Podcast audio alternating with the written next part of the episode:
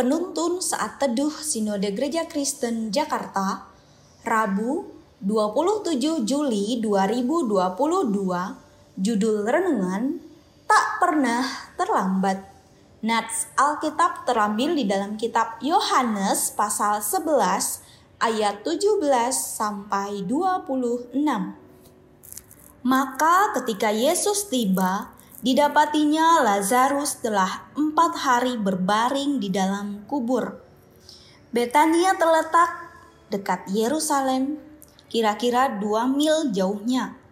Di situ banyak orang Yahudi telah datang kepada Marta dan Maria untuk menghibur mereka berhubung dengan kematian saudaranya. Ketika Marta mendengar bahwa Yesus datang, ia pergi mendapatkannya, tetapi Maria tinggal di rumah.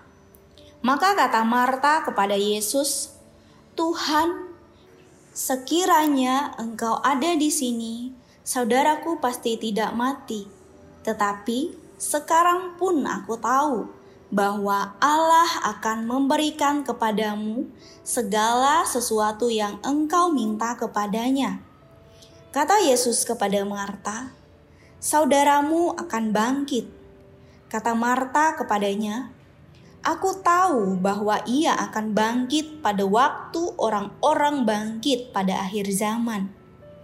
Jawab Yesus, Akulah kebangkitan dan hidup. Barang siapa percaya kepadaku, ia akan hidup walaupun ia sudah mati. Dan setiap orang yang hidup dan yang percaya kepadaku, tidak akan mati selama-lamanya. Percayakah engkau akan hal ini? Sebulan yang lalu saya berlibur ke Pulau Tidung. Sewaktu bersantai di pantai, sekelompok orang berteriak meminta pertolongan. Ternyata salah satu teman mereka tenggelam di laut dan tidak sadarkan diri. Syukurlah orang itu segera ditolong terlambat sedikit saja, mungkin ia bisa mati. Peristiwa yang kita baca hari ini seakan-akan menunjukkan bahwa Yesus datang terlambat. Ia mendapat kabar bahwa Lazarus sedang sakit keras. Maria dan Marta, saudara Lazarus, mengatakan hal itu agar Yesus segera datang dan menyembuhkannya. Namun Yesus malah sengaja tinggal selama dua hari lagi di tempat di mana ia tinggal.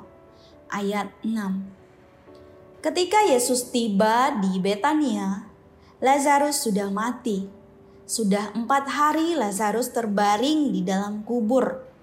Ayat 17 Maria dan Marta menyangka bahwa Yesus sudah terlambat menolong mereka.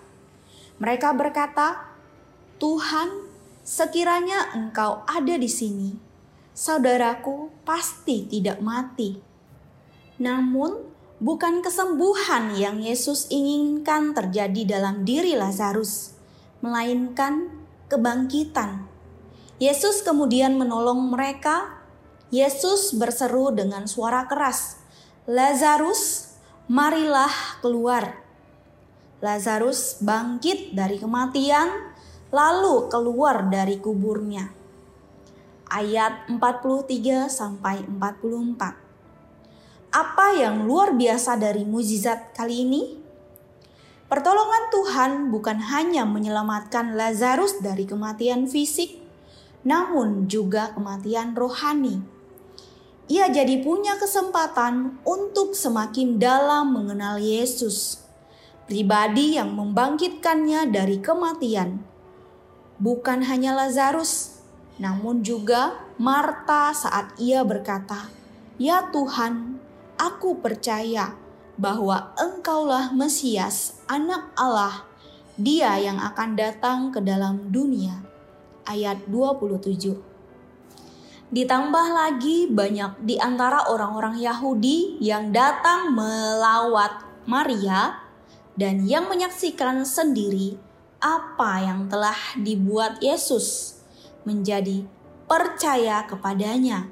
Ayat 45. Pertolongan dari Yesus tepat pada waktunya. Saya berandai-andai kalau Yesus terburu-buru datang, bisa saja Lazarus disembuhkan. Mungkin peristiwa itu tidak banyak didengar oleh orang lain. Mereka tidak punya kesempatan untuk mendengarkan Injil, padahal mereka membutuhkan Injil itu. Injil Yesus yang berkata, Akulah kebangkitan dan hidup.